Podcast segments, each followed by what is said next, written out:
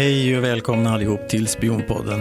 Ja, jag vill börja med att be om ursäkt för att det har tagit väldigt lång tid med det här avsnittet. Eh, eller att, att göra nästa avsnitt. Och det har ju mycket berott på corona och eh, även att man måste jobba lite grann. Eh, för att tjäna pengar. Dagens avsnitt är mycket speciellt. Jag läste en bok som heter Kontakt över gränsen. En, en spiondagbok av Stig Roth som var chef för M-gruppen Eh, och fick av en händelse och en, genom en otrolig tur och mycket tack vare Gudrun Rydberg som då har skrivit kommentarer i den här boken eh, som dessutom är utgiven av Dalslands fornminnes och hembygdsförbund. Eh, mycket, mycket, mycket intressant och spännande gjort. Men vad jag hade turen det var att jag faktiskt fick genom Gudrun Rydberg kontakt med en av mycket få initierade underrättelsemän. En idag 93-årig, vital, härlig man som eh, dessutom ställer upp och berättar oerhört vitalt. Eh, så det här är ett nöje för mig att få, få eh, presentera den här personen. Men jag väntar lite grann med det. Jag tänkte att jag skulle börja med att läsa ur den här boken som är utgiven av Dalslands fornminnes och hembygdsförbund. Och den heter som sagt Kontakt över gränsen. Stig Roths spiondagbok handlar om norska motståndsrörelsens förbindelselinjer genom Dalsland och Bohuslän under andra världskriget 1942 till 1945. Betaniakkapellet i Rävmarken, Dals Eds socken, användes som gerillabas och vapendepå för Mill Org i Halden Stig Roth var gruppledaren för M-gruppen, det vill säga Svenska försvarsstabens västsvenska avdelning under den hemliga underrättelsetjänsten kallad C-byrån. Norska motståndsrörelsen, ledd av den norska exilregeringen i London, spionerade mot tyska militära ställningar i Norge åt C-byrån mot att den fick svensk hjälp. M-gruppen organiserade 28 förbindelselinjer genom Dalsland och Bohuslän, varav 18 över Ed för post, förnödenheter, vapen etc. samt eskort av norska kurirer i utlänningsförbjudna gränsområden. Ja, som sagt, eh, välkomna på den här spännande resan och eh, mycket nöje.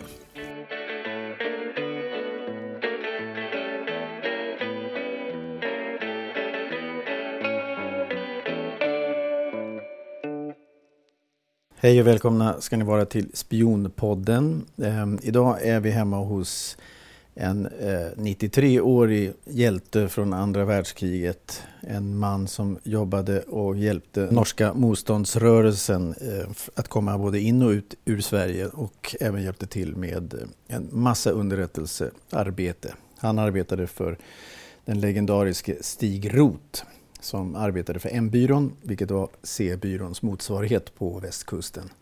Jag har den äran att eh, välkomna Göran Larsson. Välkommen! Tackar! Kan inte du berätta, eh, vem är du, Göran? Ja, jag, 1944 eh, så sökte jag arbete och jag hade faktiskt begärt att få komma till ett museum jag tyckte det var intressant och, och jag var övertygad att om jag bara fick visa sina, mina färdigheter så skulle jag kunna komma någonstans där. Och hur det nu var så i eh, 44 så fick jag ett arbete, den lägsta befattningen de hade. Kontorsvakt kallades för. Och eh, Ja, jag fick sköta postärenden bland annat. Men eh, redan de första dagarna så fick jag order att lägga brev som museichefen Stig Roth gav mig. Lägga dem i dubbla kuvert och sända till eh, adresser i Stockholm. Och det tyckte jag var mycket egendomligt. Det var brev, för, eh, mesta breven var från Norge. Men då fick jag reda på så småningom att det var ju inte museiarbete utan det var ju någon, någon illegal verksamhet. Och till slut så eh, berättade Stig Roth, som då var chef för den så kallade M-gruppen. Man ville ha reda på vad man gjorde efter eh, gränsen i Dalsland, hela Dalslandsgränsen och gränsen till Bohuslän mot, eh, eh mot Norge. Det hade ju tyskarna ockuperat 1940. Och Försvarsmakten ville naturligtvis veta då vad har tyskarna för planer i fortsättningen. Och då skulle de bland annat ta reda på vad som hände utefter gränsen. Och de skulle även ta hand om alla kurirer som löpte över gränserna. Och någon gång 1943 så blev Stig Roth chef för den här gruppen som ju kallas för M-gruppen efter en museintendent som heter Munthe på Röhsska museet. Men det var väl så att eh, Munthe han var lite eh, för noga. Han gick till och med in i Norge Eh, men Stig Roth, han gjorde ju så. Det var enligt min uppfattning den största gärningen han gjorde.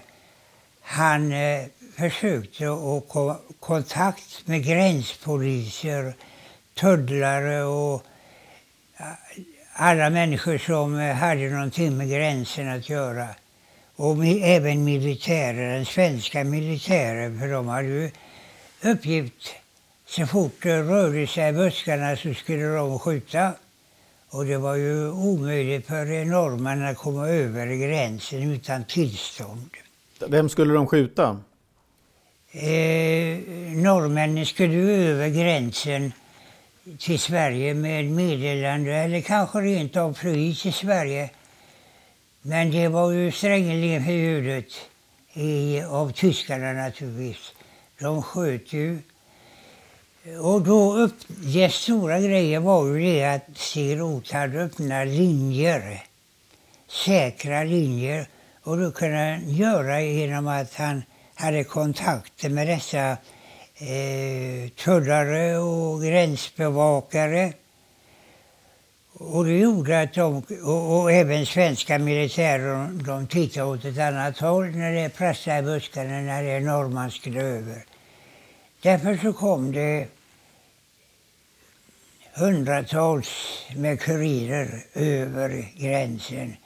Och de kom ju med meddelande bland annat till den norska regeringen som hade representanter här i Sverige. Och sen var det illegala brev vad som, vad som för sig kom. Och de breven skulle ju egentligen vidare till eh, Stockholm, till C-byrån som var den centrala insamlingen av, om upplysningarna i, eh, efter gränsen. Sen fanns det ju ytterligare sådana här bevakningsgrupper efter gränsen. Men den här M-gruppens område i Dalsland det ansågs vara den förnämsta och viktigaste. För den gränsar ju till Oslo kan man säga, Halden och flera andra större viktiga platser i Norge. Längre norrut var det ju få vägar och så vidare och kanske inte var så lätt att komma över som här. Och, men min uppgift den var ju eh, mest att möta flyktingar och eh, föra dem vidare till olika ställen. Och eh, en uppgift var att lotsa dem till en lägenhet i stan där de här illegala kunde vistas för de skulle inte göra sig kända för sina landsmän. Och där var jag ganska ofta med meddelanden till dessa. Och en och annan eh, behövde läkarvård. Och det var ju inte fritt fram till, till vilken läkare som helst. Men det fanns speciella läkare som jag fick ta med mig dessa kurirer. Och sen var det alla dessa brev som jag eh, skickade iväg nästan varje dag. Och sen var det väldigt många personligheter som kände till kredittrafiken. Eh, Exempelvis landshövdingen Malte Jakobsson och eh, ett par polisintendenter som kunde ordna exempelvis eh, med transporter lätt, eh, både från gränsen och, och till gränsen med olika, bland annat vapen, radiosändare och eh, ibland så fick jag även hjälpa till med detta. Att packa ner radiosändare. Och eh, de hade ont om mat. Ja, det viktigaste var ju när vi tog vapen.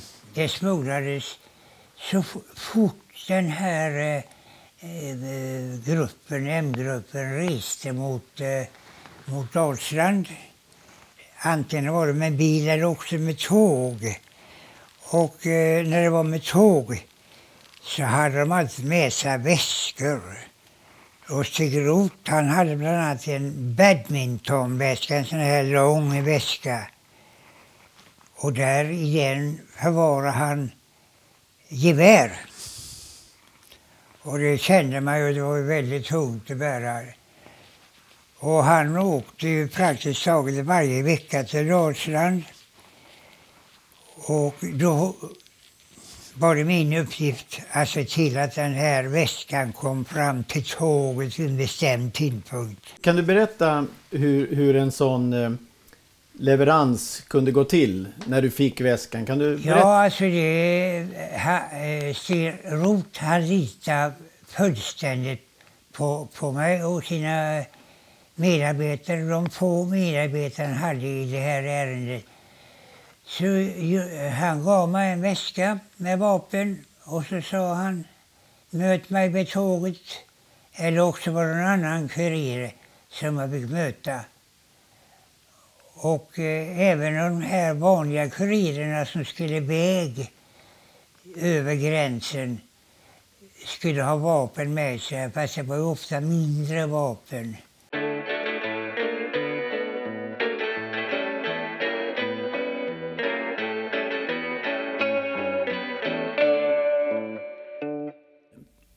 Fortsätter vi intervjun med eh, 93-årige Göran Larsson, en av mycket få initierade i den hemliga M-gruppen, svenska försvarsstabens västsvenska avdelning under den hemliga underrättelsetjänsten kallad C-byrån.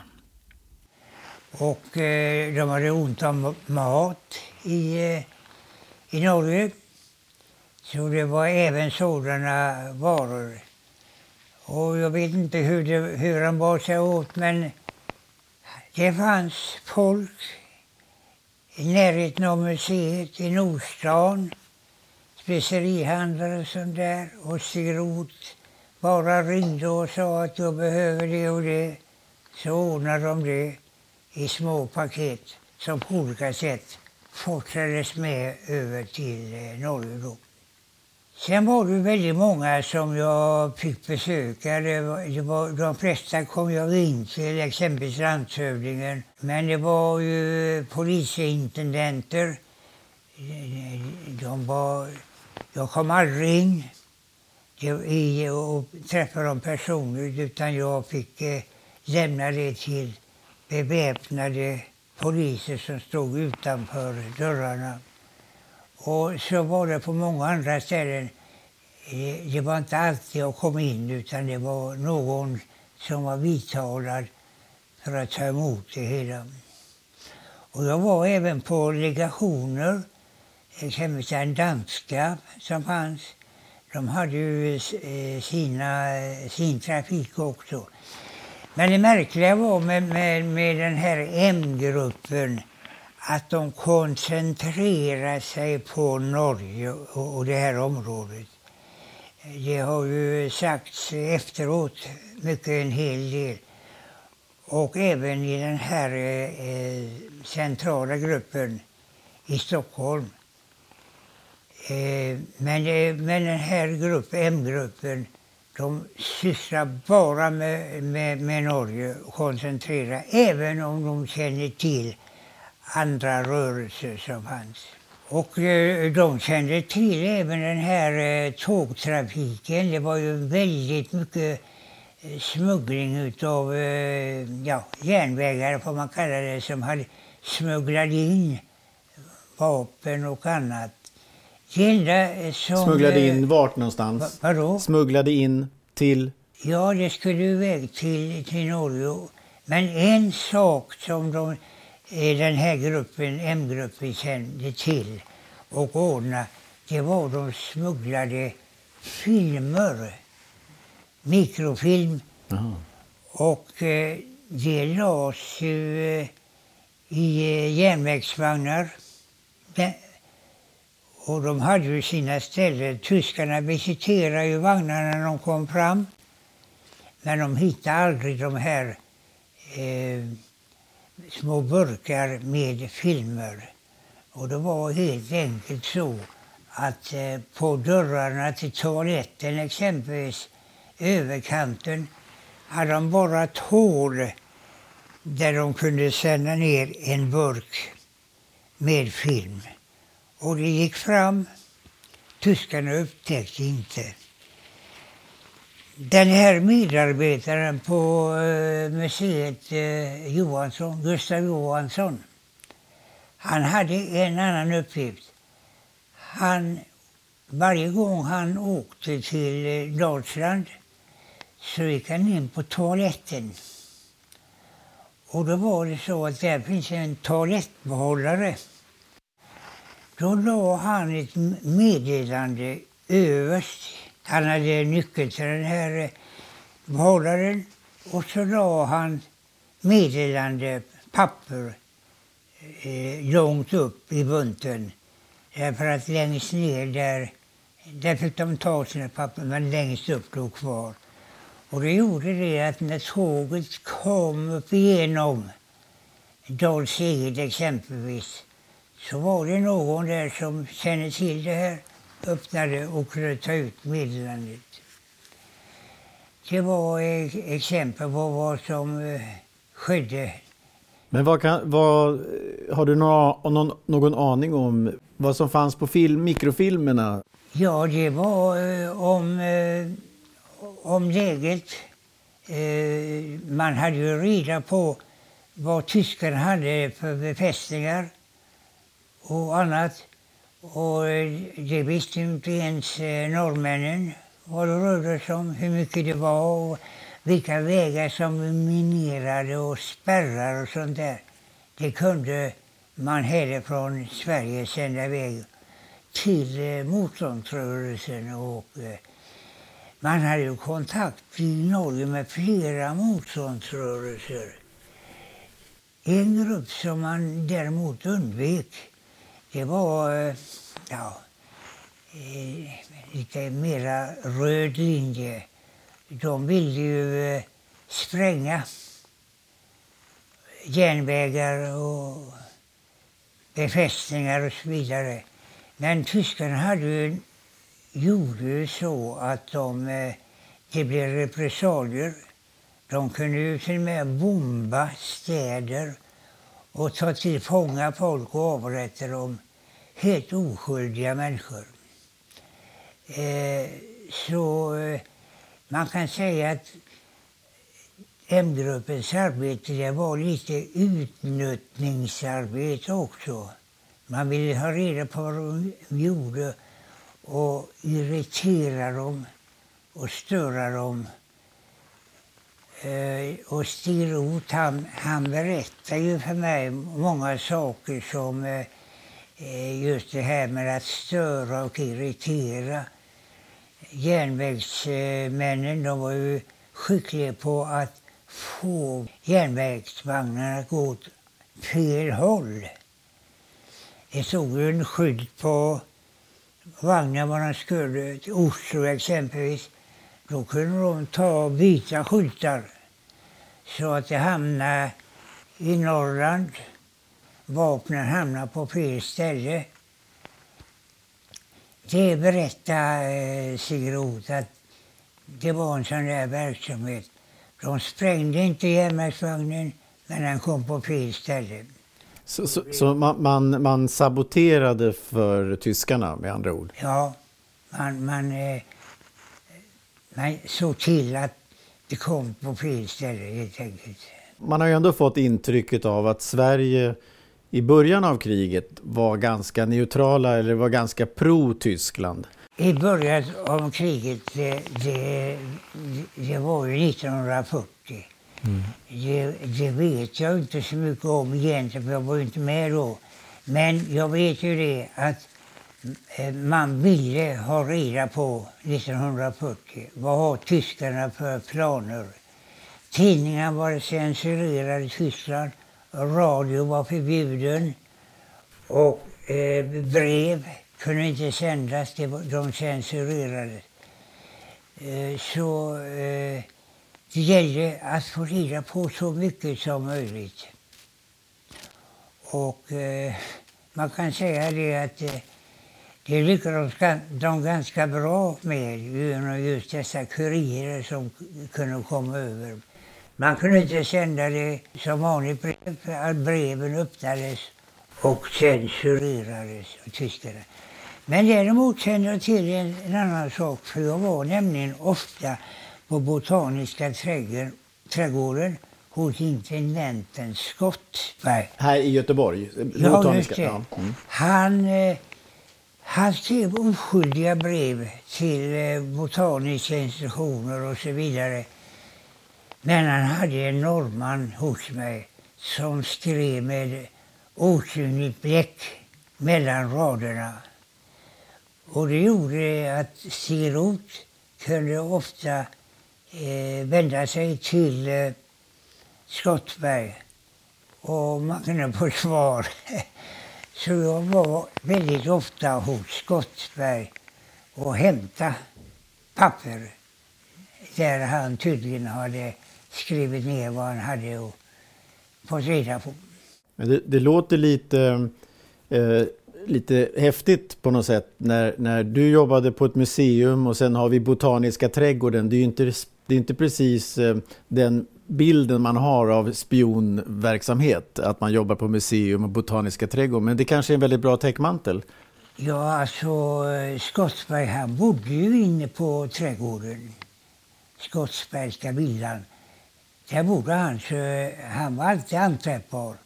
Ja, så var det.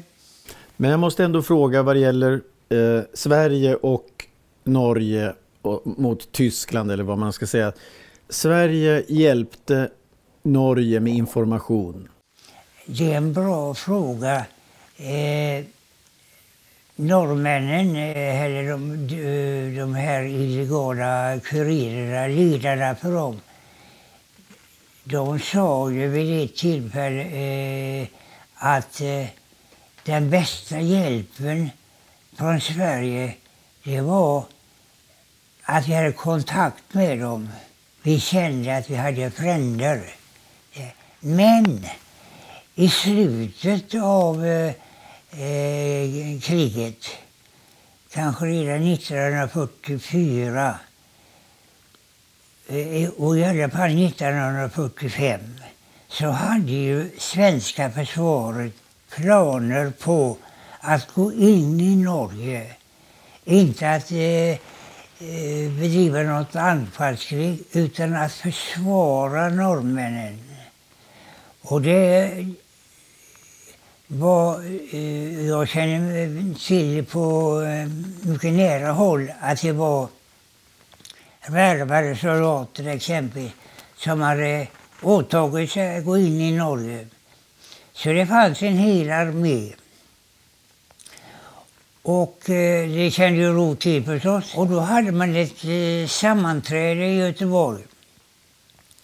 Då kunde Sigge Roth visa fram kartor där alla försvarsanläggningar som de kände till, vägarnas beskaffenhet och eh, mineringar och eh, alla hinder som fanns eh, på väggarna efter gränsen. Och det gjorde ju det. Och då blev försvaret eh, mannar, de blev förvånade. De fick ju reda på med en gång var de utan, ö, ö, skulle möta det minsta motståndet. Eh, och då, det var tack vare de här eh, kurirernas arbete. De hade till och med fotograferat försvarsanläggningen de hade. Så eh, det hade inte varit någon större problem för svenskarna att gå in i Norge. Eh, det slapp man ju som bekant att göra. Men det var mycket långt framskjutna planer eh, det hölls väl hemligt men det är ju numera bekant att så var det. Och försvar, högsta försvarsledningen i Sverige känner mycket väl till dessa planer. Att svenska armén skulle gå in i Norge.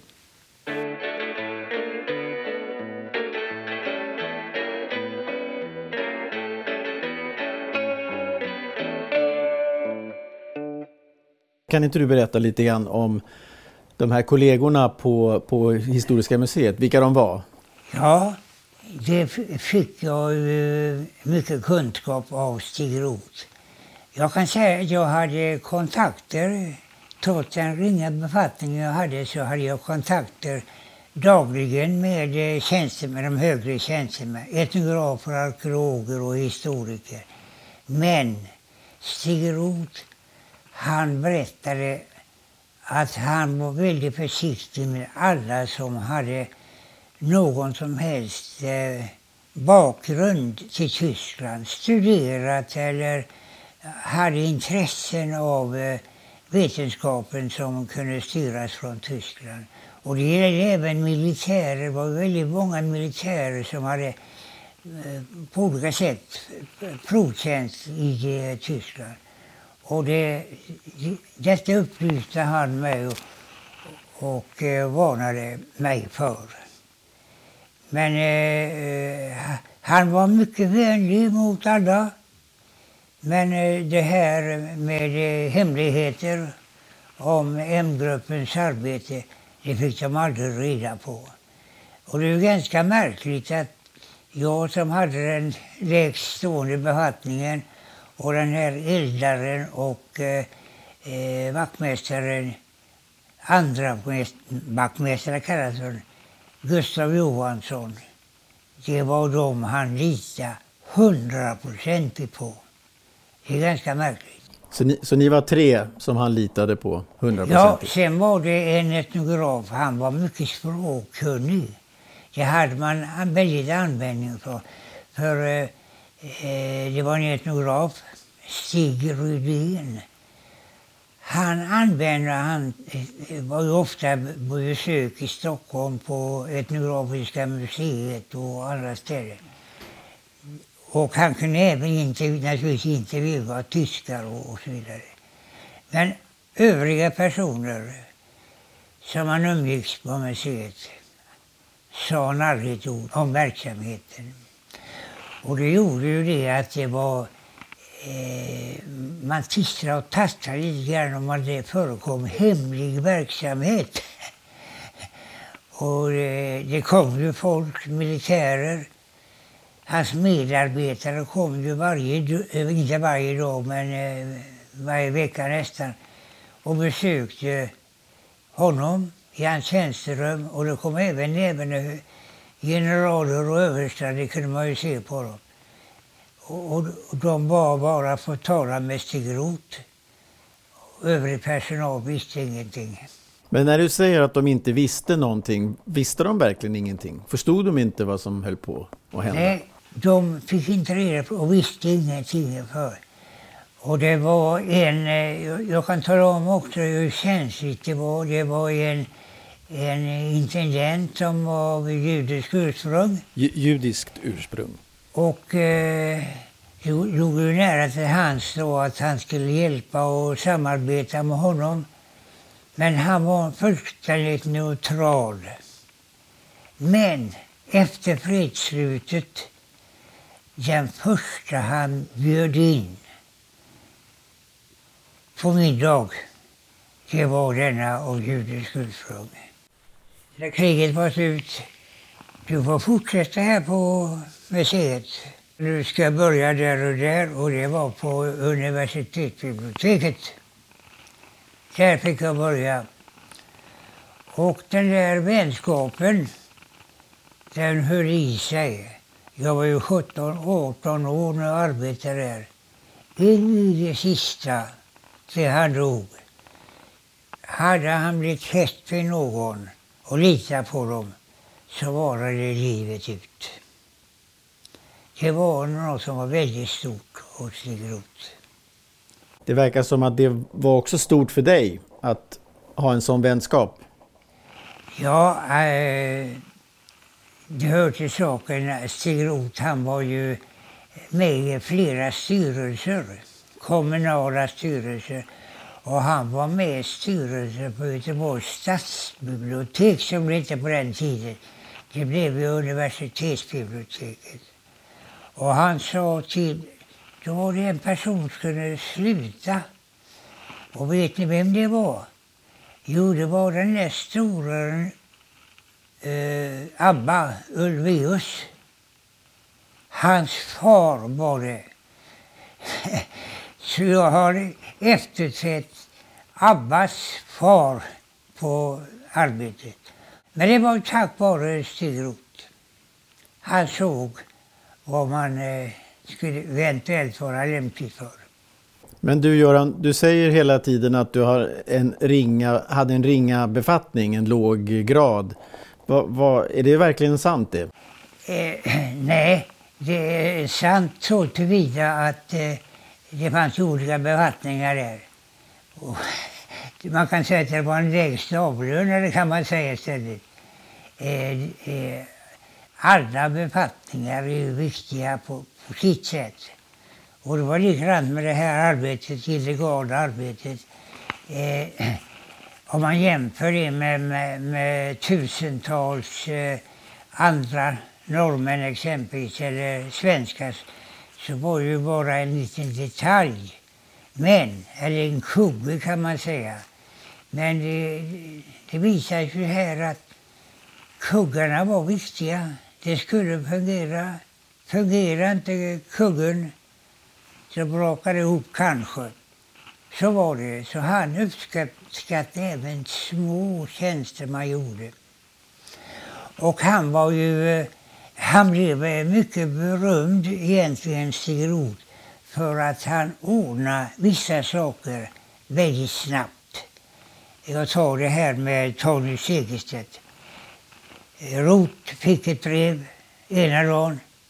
Kanske samma dag så fick eh, eh, Segerstedt brevet. Eller landshövdingen eller någon som skulle ordna transporter. Snabbt ta reda på saker så de visste nästan med en gång vad, vad som var färdigt. Och det var ju väldigt viktigt. Kommer du ihåg något speciellt tillfälle vad det gäller Segerstedt till exempel? Ja, jag vet många tillfällen, men det handlar kanske mest om danska förhållanden. Och det var den där polisintendenten som jag talade om. Jag sa att jag aldrig kom in där, men det, eh, när han blev pensionerad så fick jag ju träffa honom på biblioteket nästan varje dag och blev mycket god vän med honom. Och vi talade väldigt ofta. Och då berättade han om, eh, om eh, transporter som skulle göras. Och det var ju ransonering och det var ju allt möjligt. Man fick inte köra med bilar. Han var chef för eh, trafikpolisen och kunde snabbt kunna ordna detta. Så han berättade om att viktiga transporter och vapen kunde forslas till gränsen på minuten nästan, så fort han fick reda på det.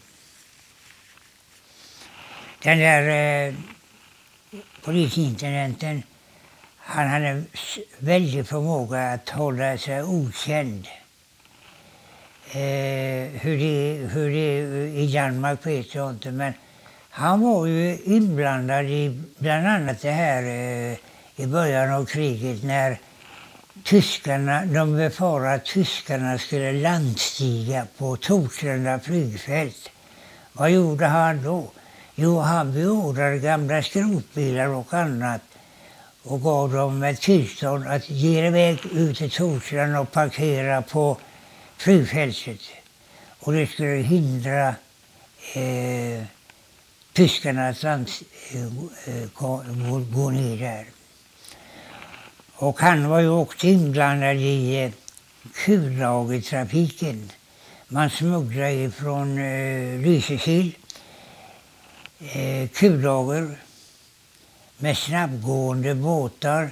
Då hade han möjlighet att ordna bevakning och trans snabba transporter för de här sjömännen som skulle ge sig iväg. Jag kan säga också att den här eh, polisintendenten Uno Hernroth, han, eh, han nämnde att eh, efter kriget och nu så skulle man inte vara rädd för att, att ha nedtecknat allt om exempelvis militär och präster och ja, alla de där som eh, på den 40-talet misstänkte för att vara nazister. Då säger den här Herrot så är det kanske i en del fall, men inte alla. Och så kunde han räkna upp eh, namn på sådana personer. Och eh, ja, här är vi idag. Det är viktigt att känna till det. Mm.